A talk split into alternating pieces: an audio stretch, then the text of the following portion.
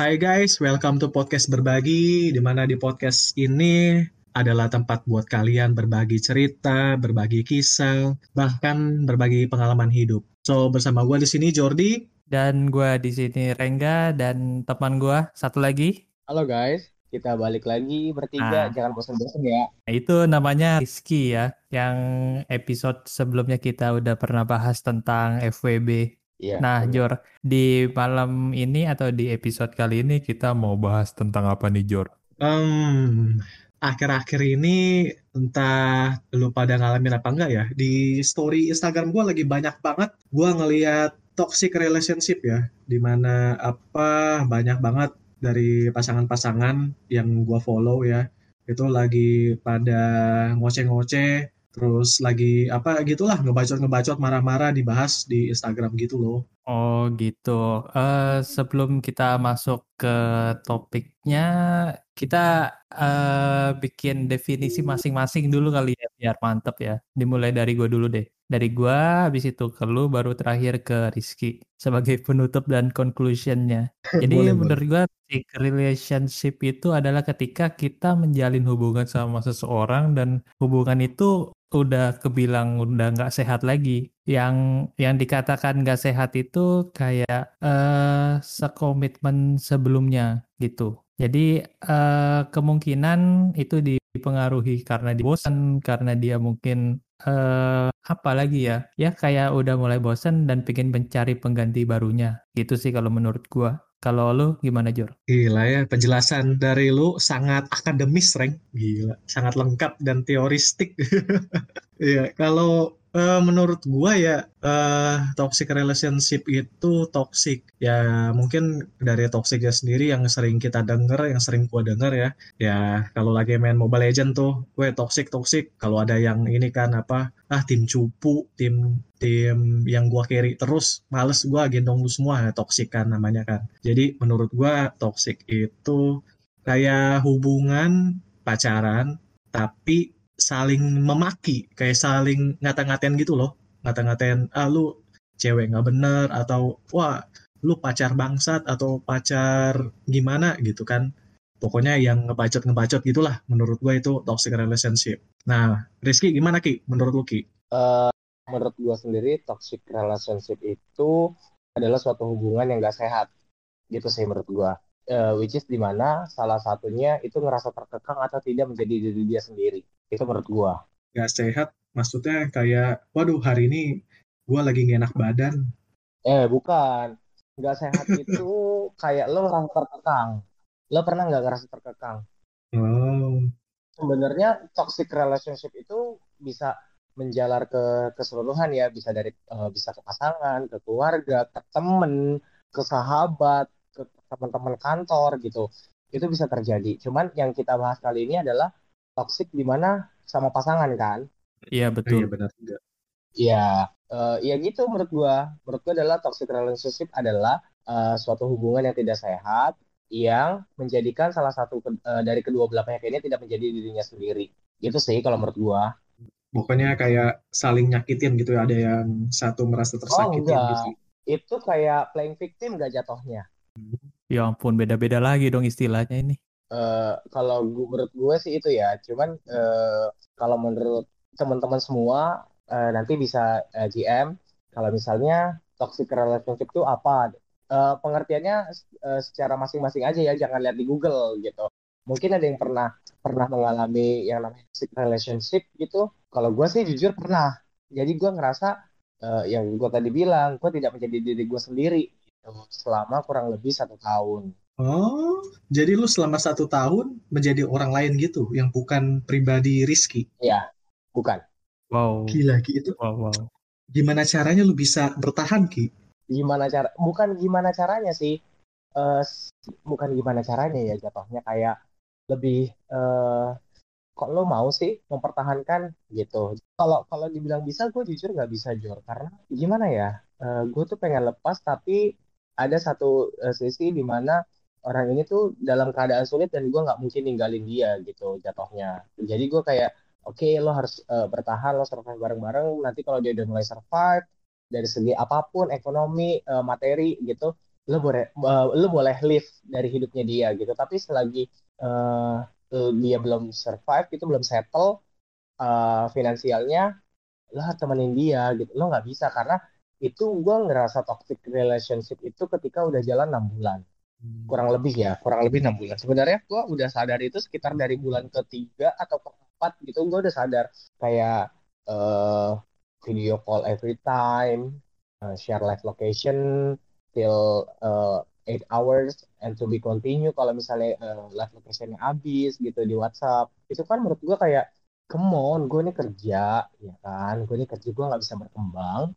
Gue nggak bisa jadi diri gue sendiri gue kalau ke tempat-tempat lain pasti gue di video call menurut lo itu itu toxic nggak sampah gitu jatuhnya kan toxic itu kan toxic itu ibaratnya kayak sampah eh, relationship itu hubungan jadi hubungan yang sampah yang nggak bisa grow bareng-bareng gitu loh maksudnya. Hmm, oh, gua nangkep, gua nangkep. Iya. Jadi kan? yang kayak apa? Lu pacaran tuh yang nggak harus setiap hari untuk lu semua gitu ya? Iya. Sekarang gua tanya deh sama kalian berdua ya. Kalian kan udah dewasa nih. Uh, mungkin gak sih seorang pasangan itu uh, yang notabene-nya mungkin baru pacar ya kalian ya hidup 24 hour 7 days every day bareng dia nggak mungkin kan kalian kan punya kehidupan punya temen punya sahabat kalian pengen nongkrong gitu ya kan Gak iya, mungkin betul. dong ketika kalian iya kan Gak mungkin dong kalau uh, lagi weekend gitu kalian harus pergi ke tempat dia jemput dia gitu kan nggak mungkin. Misalnya kalau lagi libur pengennya ya yang kalian tahu kalau misalnya libur ya pengennya yang misalnya pengen tidur ya tidur gitu. Kalau misalnya kalian pengen istirahat tapi kalau emang pengen main ya mainnya sama siapa? Entah sama pasangan atau sama sahabat atau sama keluarga atau sama temen gitu loh maksudnya. Gue tuh maksud gue gitu nggak nggak setiap hari nggak setiap minggu nggak setiap detik gue harus sama lo terus gitu gue kan punya kehidupan gue tuh punya temen gue tuh punya sahabat yang harus gue temuin gitu kan. Gue gue ini kan tipenya tipe pribadi yang ambivert ya bukan yang introvert atau extrovert. Jadi gue jadi gue diri gue sendiri tahu tahu di mana gue harus mencharge diri gue ini uh, sebagai intro atau sebagai ekstro gitu. Jadi lo nggak berhak lo nggak tahu nih gue pengennya ekstro atau intro nih untuk ngecharge uh, diri gue gitu yang yang tahu itu ya diri gue sendiri. Makanya kenapa gue bilang pada pada detik-detik terakhir bulan-bulan terakhir sebelum gue memutuskan untuk udahan gue bilang e, sorry ya lo nggak tahu gue ada di posisi kerja tempat gue sekarang tuh kayak gimana. Yang lo tahu yang lo kenal gue gue udah di titik ini dengan salary yang enak dengan gaji yang enak uh, eh, gue bisa mendapatkan apa pun yang gue mau tapi tolong jangan pernah membatasi gue untuk mengeksplor dunia kerja gue karena ini adalah salah satu-satunya mata pencaharian gue gue bilang gitu. Terus dia kayak mulai sadar terus gue kayak mulai uh, eh, gue tuh kok orangnya kalau terlalu realistis dibilang terlalu realistis realistis ya. Tapi gue berdoa gitu gue sholat gue bilang uh, ya Tuhan kalau misalnya memang dia nggak bisa buat saya grow tolong dipisahin hilangin semua rasa sayang saya rasa cinta saya ke dia semuanya hilangin uh, kalau bisa ganti itu jadi rasa benci gitu. Terus sekitar satu minggu itu nggak lama itu sekitar satu minggu itu gue kayak hampir intil 180 derajat gitu kayak apa sih anjing nih nelfon nelfon gue gitu kan video video gue gue sampai tuh kadang uh, belanja groceries sama almarhum nyokap gue itu selalu di video call. Cuma nanya nanya belanja sama siapa. Which is dia harusnya tahu dong karena itu udah jalan bulan ke 11 atau 12 gitu. Ya harusnya dia tahu dong karena kan tiap bulan kalau gajian pasti kan sama nyokap nggak mungkin gue sama orang lain dong. Ya kan? Dia nanya lo pergi grocery sama siapa? Kan kayak punten nih mau ngomong kasar nggak jadi. Saya masih mau filter di sini gitu kan. Gue yakin nanti kalau misalnya gue share link ini di eh, Instagram dia pasti lihat gitu. Oh dia follow lu Di, jadi gini, dia follow gua pakai akun fake. Akun fake-nya dia tuh banyak banget mas. Dua akun, dia ada dua akun asli dan empat akun fake. Dan itu ketahuan gue pas gue masih sama dia. Terus gue kayak, oh oke okay. gitu kayak lu bajingan. Makanya gue bilang kan, buat apa sih ngestalking orang pakai fake account? Kayak gue dong ngestalk orang, ngestalk stalking my crush, pakai first account nanggung kalau pakai second account mah buat apa ya kalau dibilang lo punya nggak second account punya cuma buat apa ini kan buat langsung stalking biar dia kegeeran ih gue di stalking sama dia dia masih sayang ih najis Iya, iya, iya. kan biar dia kepedean aja Nah, ini gue ada pertanyaan nih buat lu nih, Ki. Tadi kan katanya lu baru sadar itu ketika tiga bulan eh, menjalani hubungan tuh. Ternyata hubungan lu itu udah masuk toxic. Nah, eh, menurut lu apa sih yang ngebuat lu masuk ke toxic relationship itu?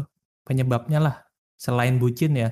Eh, si pelaku ini penyebab si pelaku ini eh, bisa disebabkan.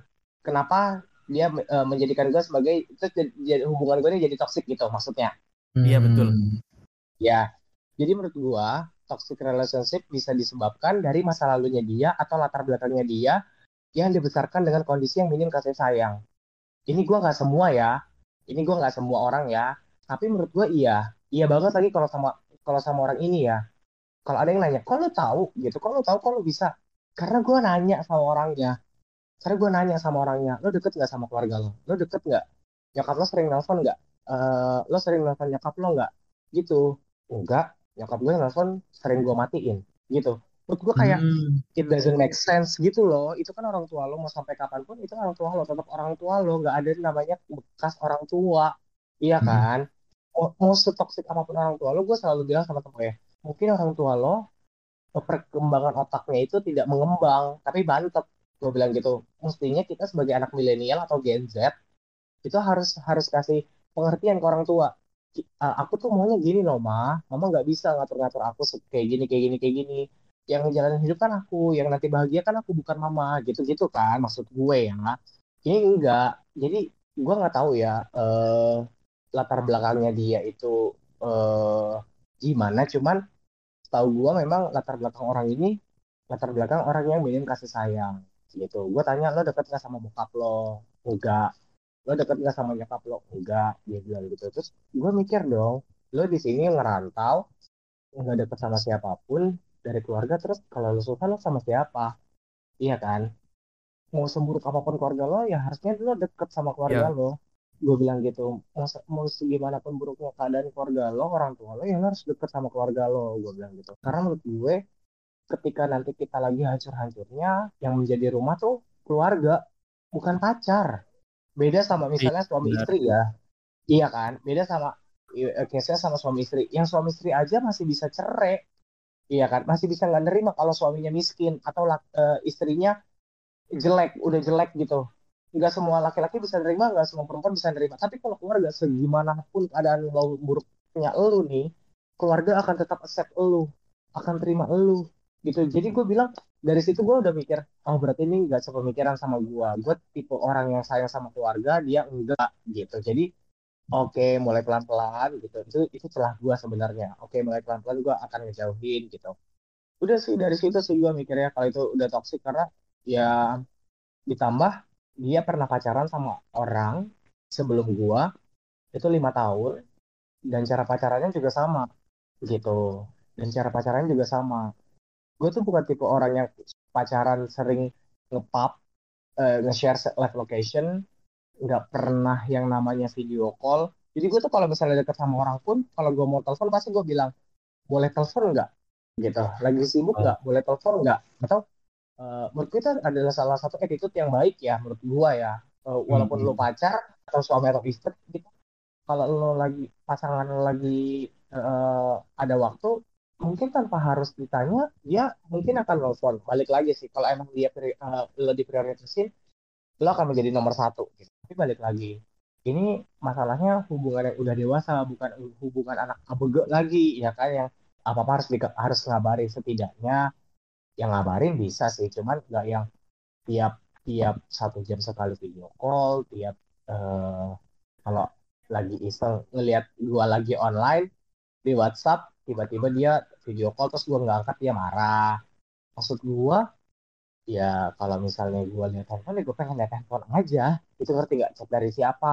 Atau balas customer customer gua kayak gua gitu dari sekolah dari capsek maksud gua kan kayak gitu nggak mungkin dong gua balas chat dia dulu gitu. Ya kan maksud gue bisa dikesampingin dulu lah masalah pribadi ini kan masalah kerjaan dulu gitu loh maksud gue ya gue sih nangkep kesimpulannya eh, setelah setelah eh gue tahu ya dia ini sering diselingkuhin sama pacarnya, mantan pacarnya gitu. Jadi dia timbul rasa pengekangan ke orang-orang yang dia kenal, termasuk gua gitu. Jadi siapa pun yang deket sama dia, lu harus ikutin rules gua. Gua tuh pengennya live location, video call satu jam sekali gitu-gitu loh. Jadi gua kayak live location udah kayak abang-abang ojol aja ya. Gila. Lo pernah nggak ngeliat gua di Instagram lagi instastory terus pipi gua tulang pipi gua tuh sampai kelihatan, Mas. Kayaknya kayaknya pernah deh. Iya, itu itu berat badan gua terkuras selama gua hidup. 59 kilo turun sampai 51 sekian. Nggak nyampe 52. Wadaw, wadaw. Gara-gara apa Ki? Terus nyokap gua sampai bilang, Ki kok kurus banget sih? Jadi tuh makan aja udah nggak nafsu. Karena lu ngerasa hidup lu, hidup gue ini kayak terkekang gitu loh. Ngerti nggak? Kayak Hmm. makan, nggak nafsu makan. Jajan juga nggak kepengen. Lu tiap hari tuh kepikirannya sama yang namanya, aduh ntar si anjing video call nih gitu. Ntar si anjing foto nih, live location, bla bla bla bla. Gitu-gitu loh mikirnya. Tapi gue ada di titik mikir kayak gitu. Terus setelah gue setelah gue eh, udahan gitu ya, gue di set untuk udahan. Alhamdulillah tuh sedikit-sedikit pelan-pelan berat badan gue naik dari yang jadi 55 dari 55 naik lagi jadi 59 balik normal. Terus teman-teman gue bilang, lu sekarang lebih happy ya, gitu, lebih fresh, mukanya lebih lebih enak dilihatnya juga gitu. Dari 59 naik lagi jadi 62 gitu. Stabil sampai sekarang gitu. Makanya gue mikir eh ternyata di usia yang sekarang ketika kita nyari eh, partner gitu ya, bukan partner hidup ya, tapi partner untuk eh, kayak pacaran gitu, cakep aja nggak cukup menurut gua ya. Cakep aja nggak cukup, eh, harta aja nggak cukup. Mungkin eh, gua nggak munafik kalau misalnya harta itu masih butuh ya. Nggak mungkin dong lu mau jajan si mall pinggir jalan tiap hari, ya kan tiap jalan, yang ada lu radang, ya kan. Ya sesekali kalau minum makan itu, ya sesekali pecel ayam boleh lah gitu. Atau eh, stick-stick yang di pinggir jalan boleh lah, ropak-ropak itu boleh lah. Sesekali makan makan-makan di kafe yang agak-agak eh, fancy gitu boleh lah gitu Se- sekali-kali gitu maksud gue. Ya maksud gue Perbaikan gizi lah ya, perbaikan gizi. Iya, maksud gue gitu loh. Ya walaupun gue sama dia juga, gue begonya gini ya. Eh, ketika gue sama dia, kok malah makan enak tapi kurus. Ngerti gak sih? Makan tuh enak, Mas. Gue tuh bingung, Jor. Makan tuh enak. Kayak gue sering ke Central, Central Park buat makan gitu. Ke kafe ini, kafe itu, eksplor makanan gitu-gitu. Tapi nggak jadi darah daging, cuma jadi kentut doang. Ngerti nggak? Hmm. Hmm. Ya kayak ya gue juga mikir ini ada apa sih sama badan gue metabolisme gue kok error ya gitu sampai gue mikir kayak gitu sih makanya sebenarnya eh, sebelum kalian kenal sama orang ya makanya butuh pendekatan itu harus sih. Kalau eh, kalau mungkin dari awalnya udah udah overprotective gitu ya overprotective dalam arti eh, aneh-aneh gitu kalian kan tahu kapasitasnya. Misalnya kalian selama hidup misalnya eh, 30 tahun 25 tahun hidup terus pacaran berapa kali nggak pernah dapat pacar yang overprotective ya mendingan nggak usah daripada nanti tekanan batinnya neng gitu. Daripada nanti kurus kering ya kan? Jadi jelek ya kan? Kalau kurus bukan gue bilang orang-orang kurus jelek ya. Cuman Iya, iya, iya. ya kalau misalnya ada perubahan dari perubahan dari tadinya lu berisi terus kurus jatuhnya tuh kayak orang penyakitan nantinya sama teman-teman lu disangkanya. Padahal sebenarnya bukan penyakitan emang si pasangan lo nya aja yang toksik gitu. Hmm. jadi hati-hati. Toksik tuh eh, sebenarnya dari kita ngekang pacar tuh juga toksik loh sebenarnya gitu dari kita nggak ngebolehin dia ketemu sama teman-temannya itu sebenarnya menurut gue toksik loh karena karena eh, hidup itu nggak selamanya tentang pacar, nggak selamanya tentang pasangan gitu. Dan menurut psikologi, toxic relationship adalah hubungan yang dibangun atas konflik, persaingan, dan kebutuhan satu orang untuk mengontrol orang lain. Ya kan, ngerti kan? Oh, Ini googling ya? Enak aja lu. Gua kirain googling. Terus tahu dari orang mana? tahu dari mana? Baca Bapak, ada di Google. Eh Google, ada di Halo Dokter. Tuh, tuh kan, tuh kan, tuh kan, tuh Halodoc kan. Aja. Makanya Oh buka iya, iya. aplikasi Halodoc. Halo dok ya. Gitu. Makanya hati-hati deh. eh, kayak temen nih misalnya lo ketemu sama si A tapi temen lo ya si B nggak seneng itu menurut gua kayak toxic juga gitu loh kayak udah kan temenan Oke. nggak sama lo doang anjing gitu temenan tuh gue juga banyak temenan pilihan kan nggak mungkin tuh lo makan sehari cuman sama tempe goreng sama nasi gitu kan maksudnya ada ada sayur asem ada jengkol ada pete ada sambel gitu-gitu kan nggak mungkin lo makan cuma satu doang jadi lo nggak mungkin Iya, hidup iya. sama satu orang doang Iya, masuk akal. Iya kan? Iya kan minimal lu punya sahabat tiga empat orang itu nggak apa-apa gitu masuk ke dalam pribadi ranah pribadi lu. Kalau dibilang kok teman lu nggak ada ya nggak apa-apa karena gue juga nggak butuh teman gue butuhnya sahabat yang ngertiin gue yang yang nggak pernah ngomongin gue di belakang gitu. Kalau misalnya ngomongin di belakang ketemu terus nggak ada lo lagi kumpul lo diomongin kalau nggak ada si A si A yang diomongin menurut gue itu juga toxic sebenarnya. Cuman kadang kita nggak sadar aja akan hal itu gitu loh. Oh, oke, oke. Nah, menurut gua kalau misalnya nggak toxic nggak nggak relation eh, sorry nggak toxic dalam relationship itu ya kalian tuh bisa saling grow up bareng-bareng eh, sukses bareng-bareng gitu.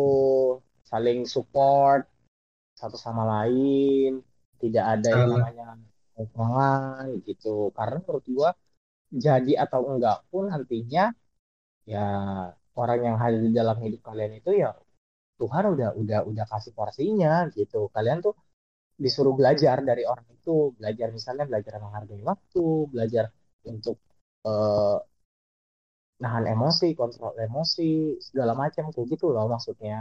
Nggak ada yang sia-sia kok ketemu sama orang, percaya deh. Mau lama atau sebentar, mau eh, jelek atau buruk gitu orangnya. Menurut gue itu adalah salah satu cara Tuhan untuk mendewasakan kita sih sebenarnya.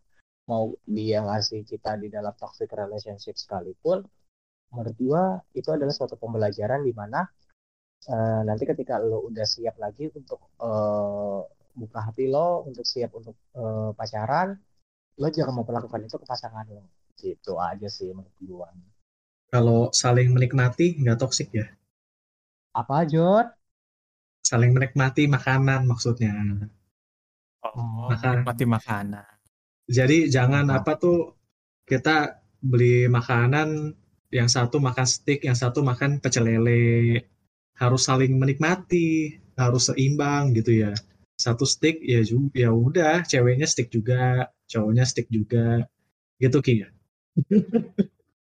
Nggak gitu. Ya kalau nggak ada yang steak ya buat apa coba? Dipaksain. Bener juga. Iya kan?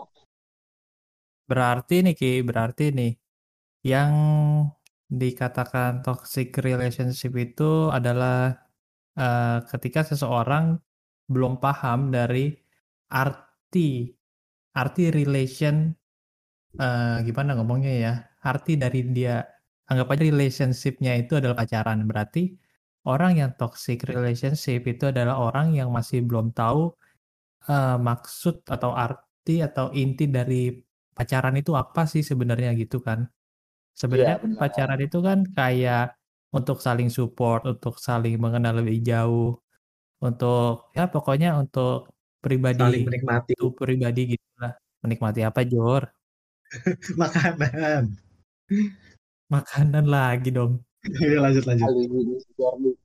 Iya, jadi yang gua tangkap dari Rizky tadi penjelasan Rizky eh ternyata toxic relationship itu iya itu orang yang eh ibaratnya itu udah nggak sesuai dengan apa yang ditetapkan sebelumnya gitulah. Yang yang gua tangkap sih Iya, gitu ya. benar benar benar. ha. Oh, coba gua gua tanya Ki. Eh, misalkan apa em, kita sama-sama saling menikmati, saling sayang. Pokoknya semuanya udah inilah dia nggak overprotective, saling ngerti, bisa saling support. Nah, tapi saling ngata-ngatain itu toksik nggak? Saling ngata-ngatain gimana nih dalam konteks? Iya, kayak misalkan eh, contoh ya, contoh ya. Gue punya temen em, pasangan ya, pacaran. Nah, Biasanya ceweknya sih, ini biasanya kalau udah ngomong gue punya temen itu biasanya dirinya sendiri sih. Aduh, kan saya kan saya single, Re. Oke Nah. oke next next lanjut Jor. Ya, jadi temen gue ini cowok ya, temen gue cowok punya pacar, pacarnya ini cewek, emang sih cewek, dia masih ini ya, masih waras, masih straight straight, ya pacarnya ini cewek. Nah, ceweknya ini em, bisa dibilang em, punya postur eh, tinggi badan yang kurang proporsional. Maksudnya tuh eh gua kurang tinggi, kurang tinggi ya. Bahasa halusnya ini cewek kurang tinggi. Nah, cowoknya ini manggil manggil sayang ke dia, sebutan sayang ke dia ini si kerdil. Jadi itu kalau manggil ceweknya nggak pakai kata sayang, nggak pakai kata baby, manggilnya eh kerdil, kerdil. Tapi bagi dia tuh itu kata-kata sayang. Nah, itu termasuk toksik gak sih? Eh, balik lagi sih, kalau misalnya si pasangannya ini tidak pemberontakan, menurut gue itu tidak bisa dikatakan toksik karena eh, otomatis itu mereka berdua telah menyetujui kata-kata itu dong. Iya kan? Kalau misalnya, kan gue bilang dari tadi, kalau misalnya salah satu di antara mereka tertekan, itu bisa jadi dikatakan toksik. Balik lagi, itu itu personalitinya beda, Jor. Kalau si cewek ini tidak keberatan dipanggil eh, kayak gitu, menurut gue sih itu tidak toksik ya. Karena eh mungkin iya. Sekarang kalau misalnya gue tanya ke lu, kalau misalnya eh, kayak Rengga nih, badannya kan tinggi, terus Rengga punya pacar, gitu. Rengga kan tipe badan yang bongsor kan. Terus eh, Rengga dibilang, eh Mas Jangkung gitu misalnya.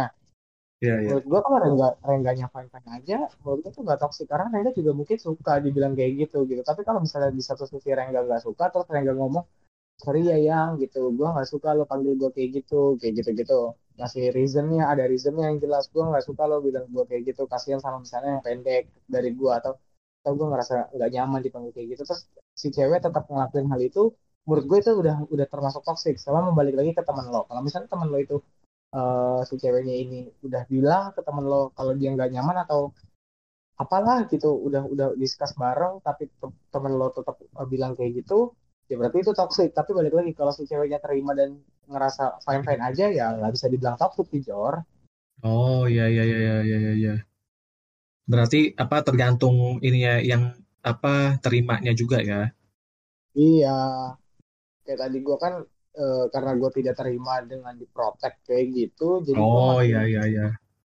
Iya kan, jadi gue makin liar gitu. Jadi gue makin kayak, oke bangsat, banyak orang nih yang mau sama gue. Gue explore ke mall gitu. Hmm. Makanya kenapa gue bisa kenal sama FWB, salah satu pramugari di maskapai gitu ya kan. Ya karena dia memprotek diri saya gitu. Makanya saya Oh, iya, iya, iya.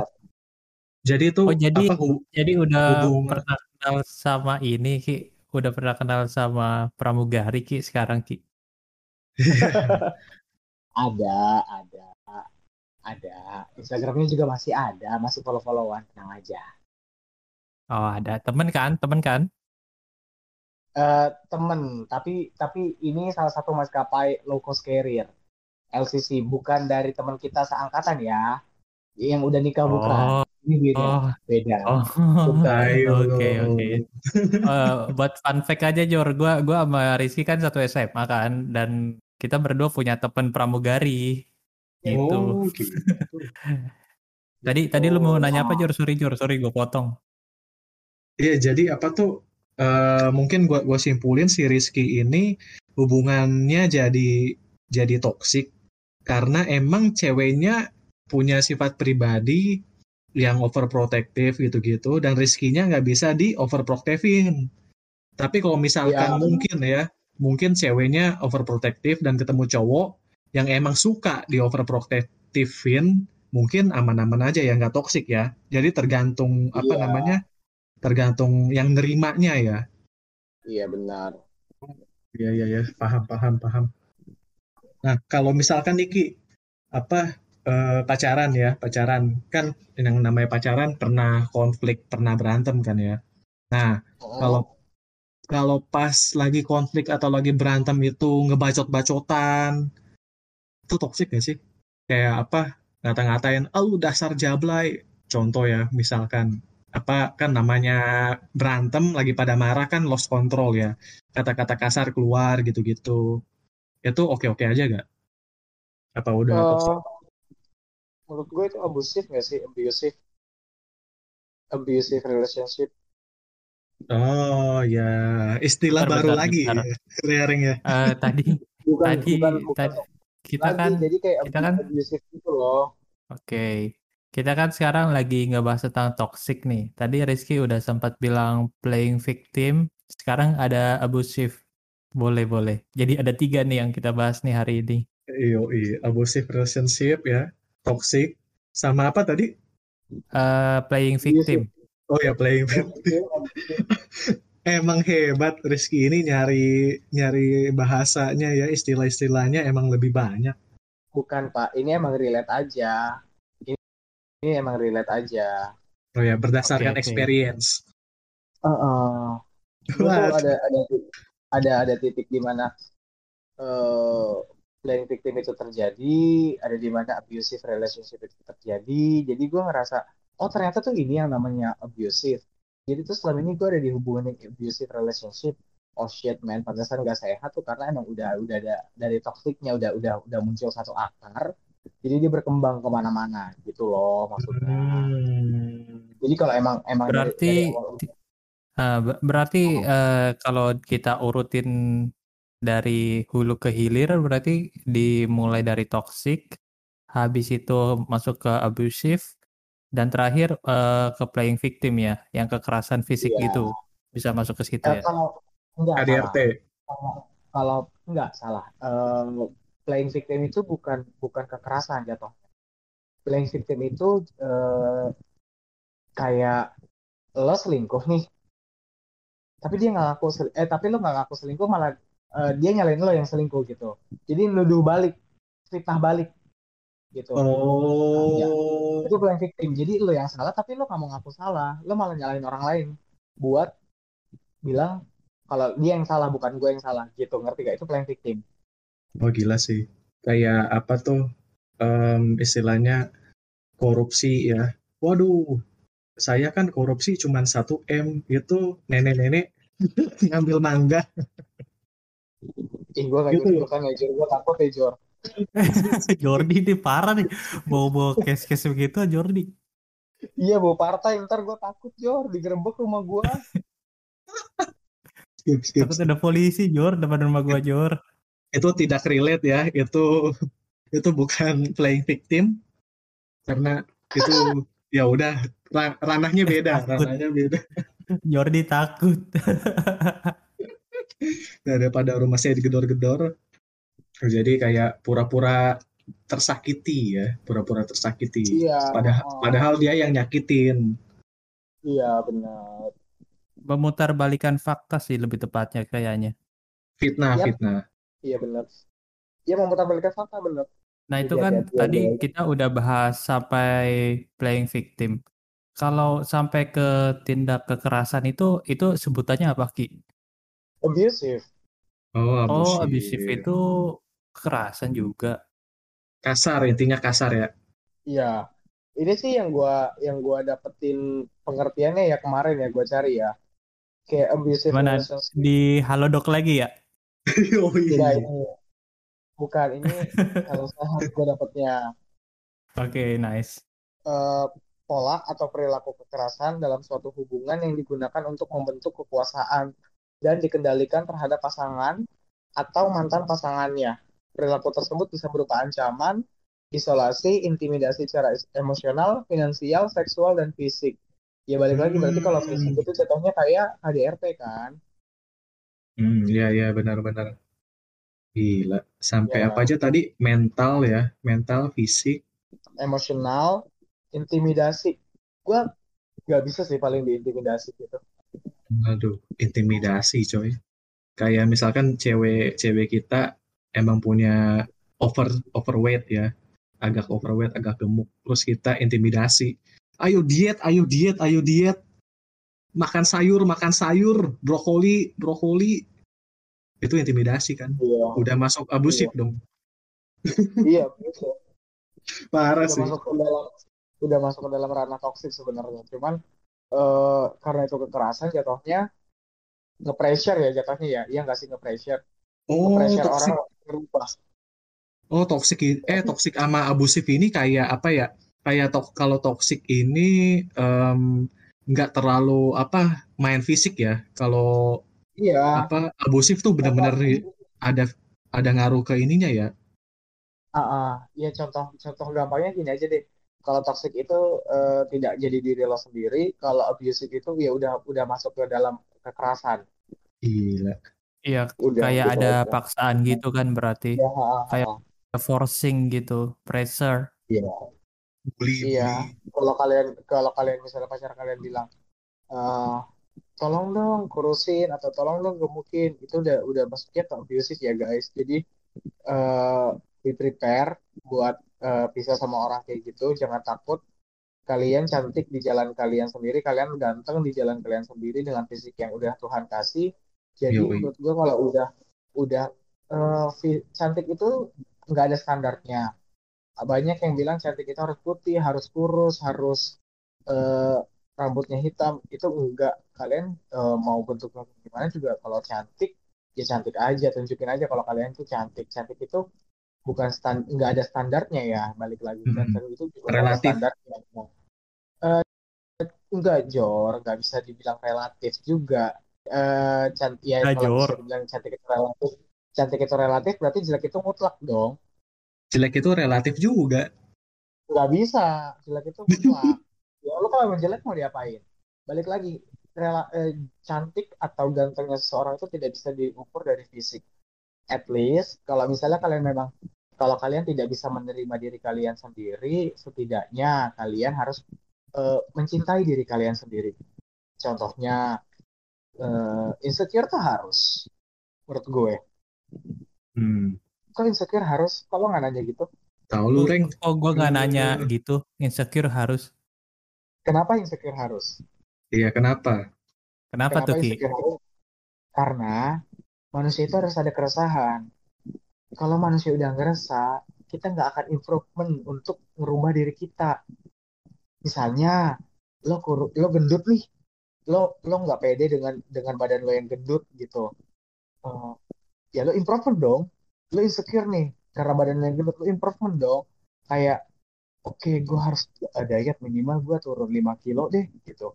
Menurut gue itu adalah suatu insecure yang positif gitu untuk merubah. Hmm. Karena gendut itu nggak sehat kan, iya kan? Lo bisa kena diabetes, kena gula, kolesterol, gitu penyakit-penyakit yang lainnya. Walaupun gue nggak bisa ngejamin orang orang kurus juga akan bebas dari penyakit ya, gitu. Tapi pada kenyataannya eh, banyak orang yang berpandangan di lingkungan itu orang gendut tuh gampang banget kena penyakit. Kalau misalnya kalian emang susah gitu nurunin berat badan, which is kalian hidup sehat dulu deh gitu.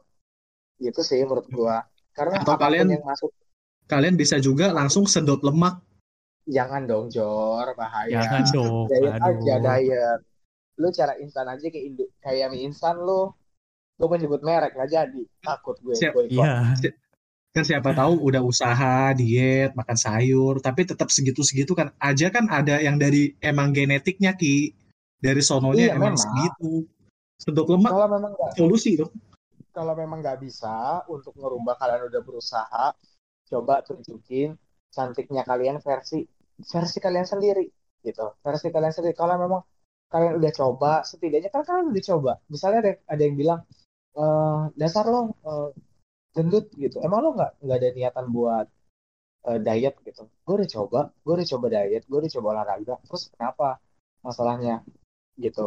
Gue tetap gendut gue tetap berat badan gue turun besoknya turun sekilo naiknya dua kilo. Turunnya sekilo naiknya tiga kilo. Terus mau apa? Gue dikasih makan enak sama keluarga gue gituin aja balikin. Menurut gue nggak ada salahnya Tapi- lo ngebalikin omongan orang. Ayo. Kolesterol juga. ya sekarang balik lagi. Kalau misalnya dia nggak bisa ngejaga pola makan kan gue bilang walaupun lo nggak bisa olahraga setidaknya lo harus Menurut jaga pola makannya dulu. Pola makannya dulu nih yang dijaga. Kalau pola makannya jadi nggak bisa dijaga sekarang bohong aja sih Jor. Kalau misalnya orang nggak bisa nggak bisa turun berat badannya Hmm, which is iya. kayak misalnya se- se- sebulan dua kilo itu menurut gue cukup kok. Menurut gue ya dua bulan itu buat orang-orang yang memang genetiknya memang dari keturunan yang eh, obesitas dua kilo sebulan tuh cukup. Kalau misalnya dalam waktu 10 bulan kalau lu rutin dua kilo sebulan which is itu ada 20 kilo dong. Kalau misalnya berat badan lo dari 100 ke 80 menurut gue itu adalah suatu hal yang sangat impresif gitu. Apalagi kalau Iya setahun ada 24 kilo gitu 24 kilo itu menurut gue kayak oke lo tinggal lanjutin pertahanin gitu. Karena kalau menurut gue kalau lo dari badan lo yang maaf ya yang gemuk gitu terus kurus lo akan ngeliat cantiknya lo tuh makin cantik auranya makin terpancar lo akan males untuk makan banyak lo males akan eh, makan makanan yang junk food gitu. Karena lo udah Hmm. udah capek lo udah udah berjuang sejauh ini terus lo balik lagi ke mundur jalan ke belakang. Itu lo akan mikir seribu kali menurut gue ya kalau lo udah kelihatan hasilnya. Jangankan yang udah turun 20 kilo mungkin lo turun 10 kilo aja lo akan ngelihat perubahan. Lo lebih fit jalannya lo lebih seger lo lebih enak ngapa-ngapain gitu. Yang sehat kan diri lo sendiri. Balik lagi eh, lo mikirnya jangan jangan kurusnya dulu deh tapi sehatnya dulu gitu. Sehat dulu kurus itu bonus. Kalau misalnya memang nggak bisa kurus ya jalan satu-satunya kalian Sedot harus lemak. konsul dulu ke enggak konsul dulu aja ke dokter gizi gitu. Menurut gue sih itu ya karena ada beberapa hal memang beberapa orang itu minum air aja naik berat badan langsung. Kalau gue kan susah ya naik berat badan ya. Kayak mungkin naik Mungkin juga minum mungkin minumnya bukan aqua tapi kuah Indomie minumnya. enak dong Jor apalagi pakai kerupuk Iya, Makanya lemaknya nambah. Telurnya dua makanya di warpat Di dalam air minumnya Telur ada apaan? telur. Telur apaan dua ki? Eh, telur eh, ayam dong Renggan ya ya. mulai ya udah di udah mulai. Indomie maksudnya. Aduh, aduh, aduh.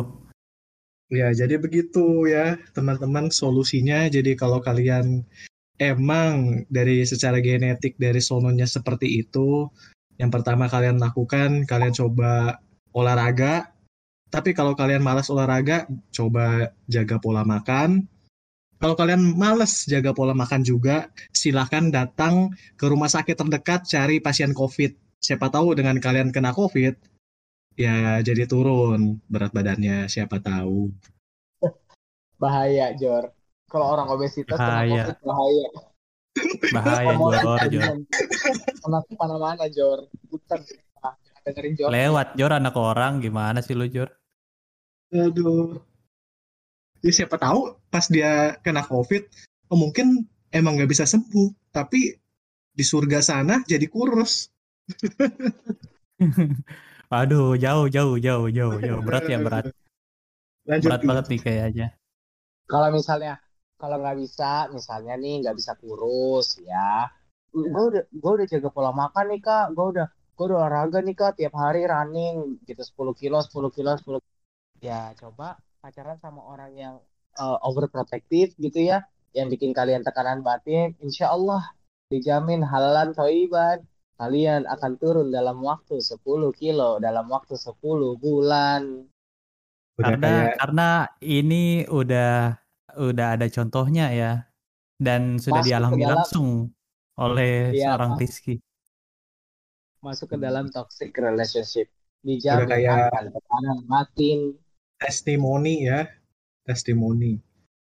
jangan bahas-bahas testimoni Jur takut deh gua Ja- jadi jadi ki apa em, eh, pasangan ya pacaran, cowoknya nyuruh ceweknya untuk diet.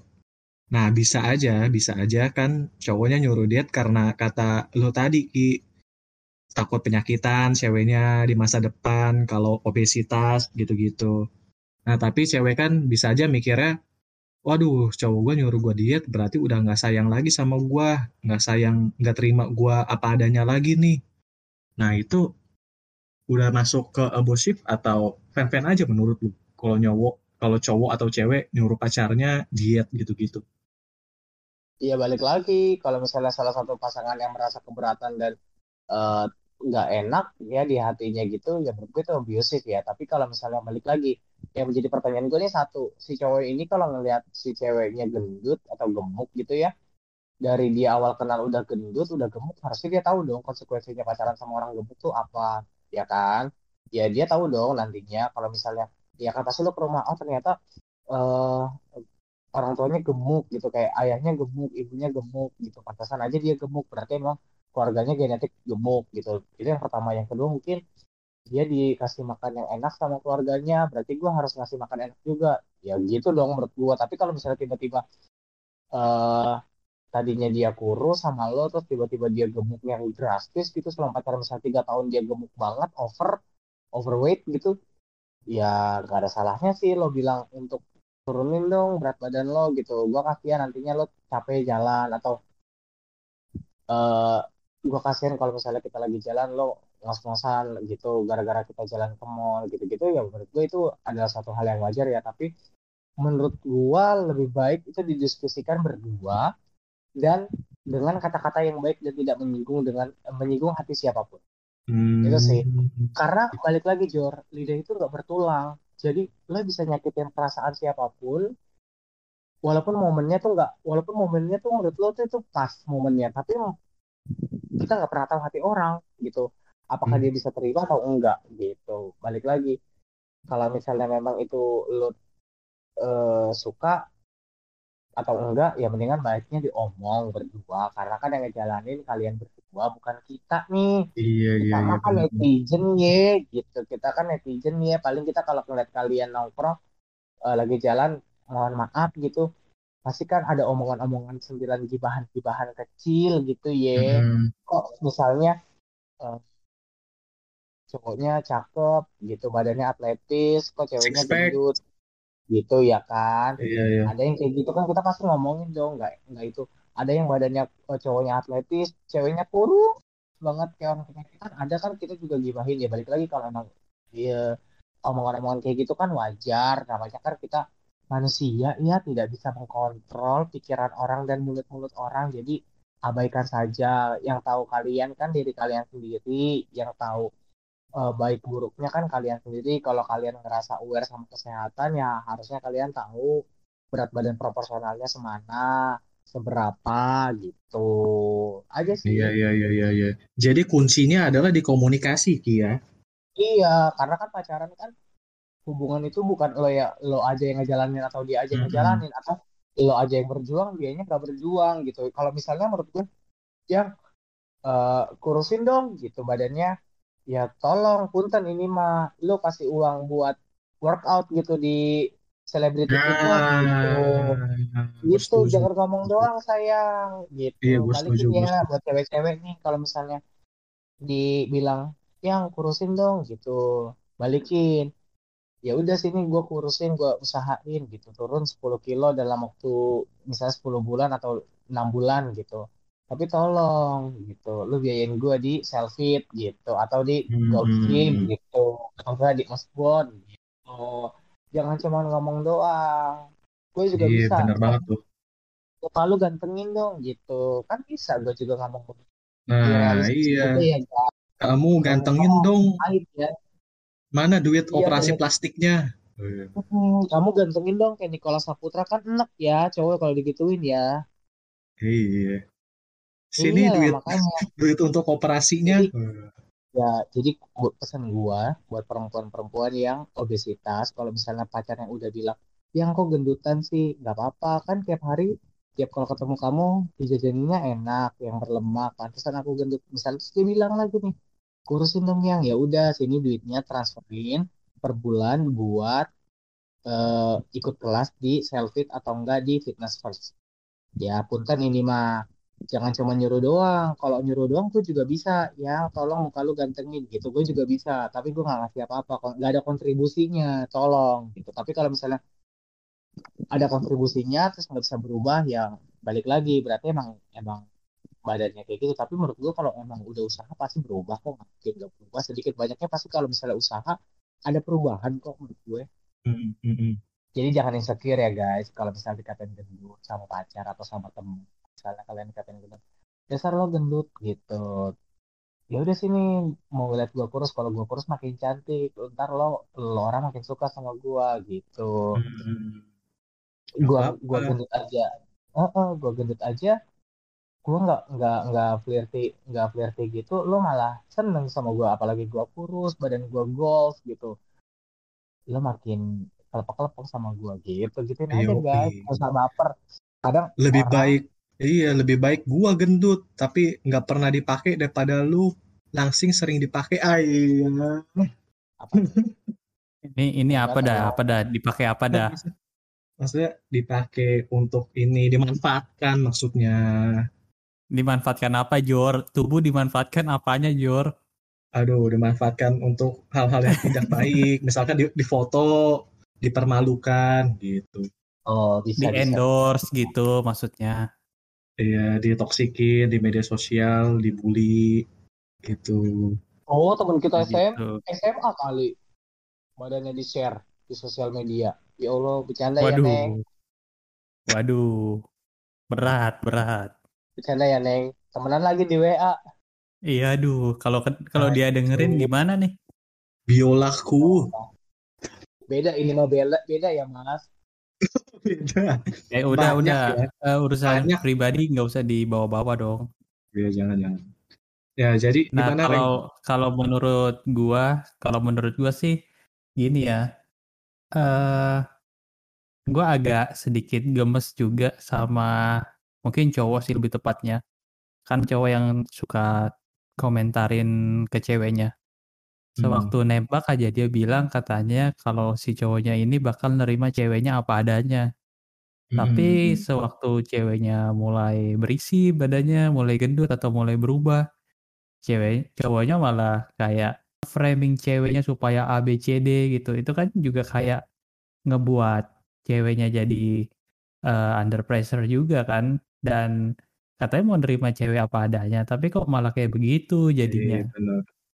Makanya buat cowok-cowok dari awal kalau mau nembak jangan ngomong terima apa adanya dulu. Ngomongnya nanti tunggu lihat apa ceweknya jelek dulu baru ngomong gitu. Jangan ngomong di awal. Itu trik buat cowok ya. Jangan ngomong di awal. Tapi balik lagi sih, tapi balik lagi ya, gue nggak bisa nggak bisa judging gitu. Eh, balik lagi, kalau emang kalian yang pengen untuk tidak untuk serius ke jenjang pernikahan, ya nggak usah dimainin lah anak orang. Oh, nggak usah dimainin. Disuruh ini, disuruh itu, disuruh merubah penampilan. Iya. Itu, itu, itu nggak. Apalagi dipakai. Iya, apalagi Apanya? Em, Apalagi dimanfaatkan maksudnya. ya dimanfaatkan, apalagi sampai yang test drive gitu.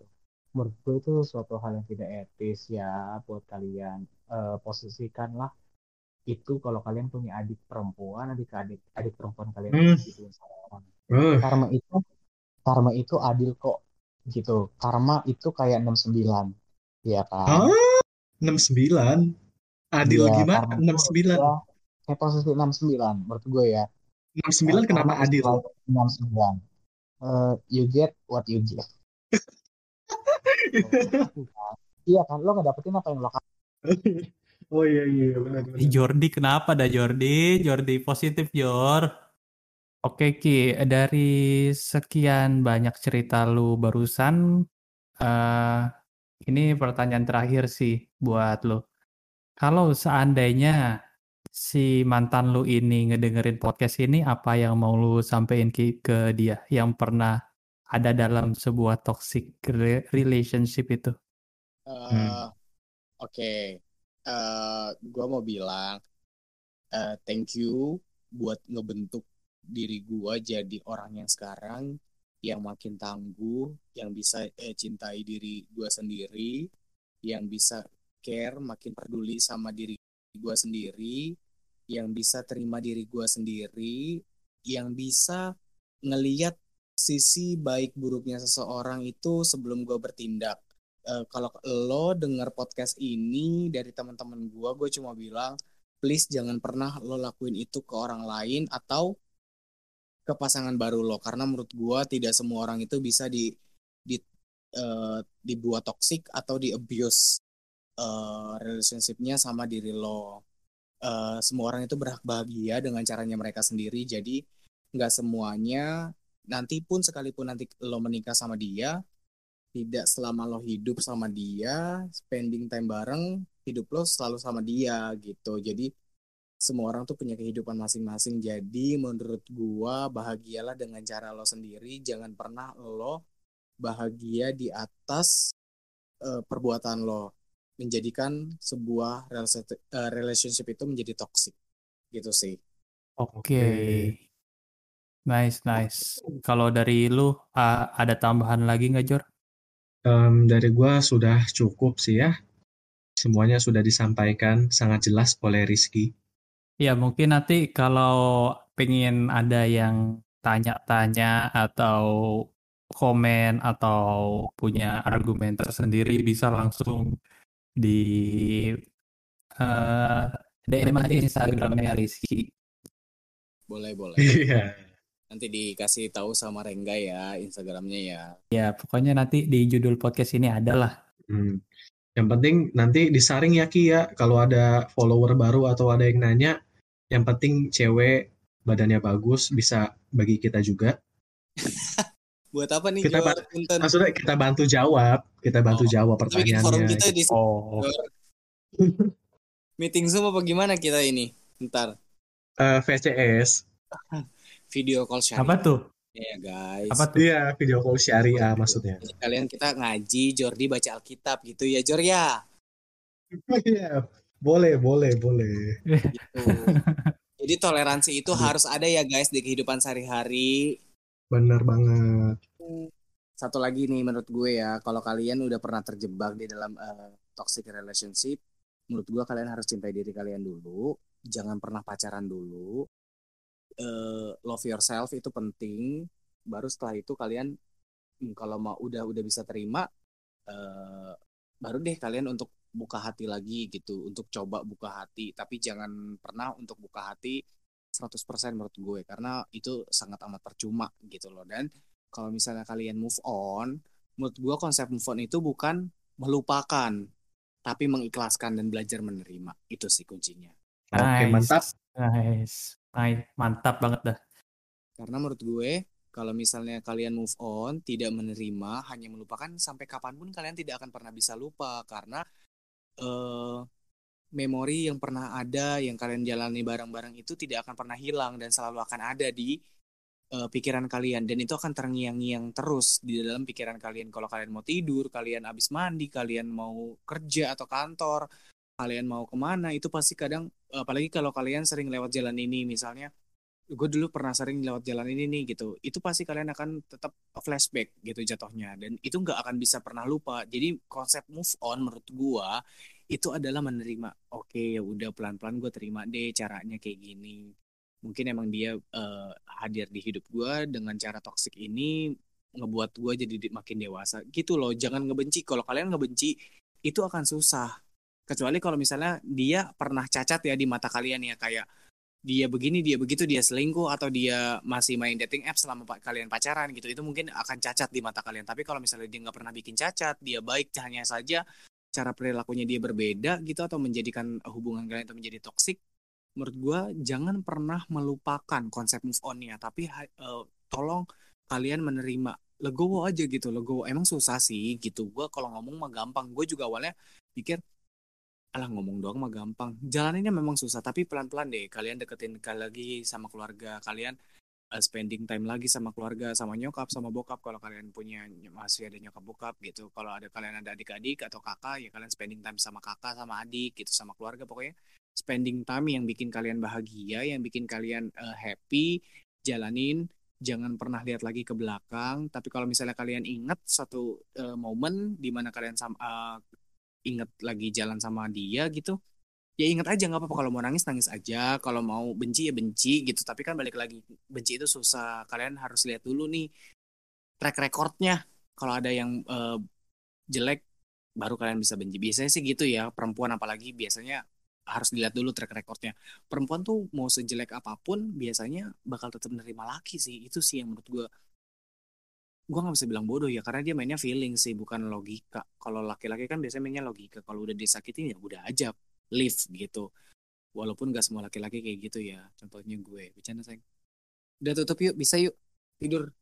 Oke okay. Jor closing Jor. Nah Jor tutup Jor. Oke semuanya. Demikian aja podcast kita podcast berbagi kita pada malam hari ini ya. Semoga bisa membantu kalian semua. Semoga bisa menjadi um, referensi buat kalian dalam menjalani hubungan kalian so stay healthy keep safe, dan jangan lupa stay home. See you to the next podcast. Bye bye. Bye. Bye.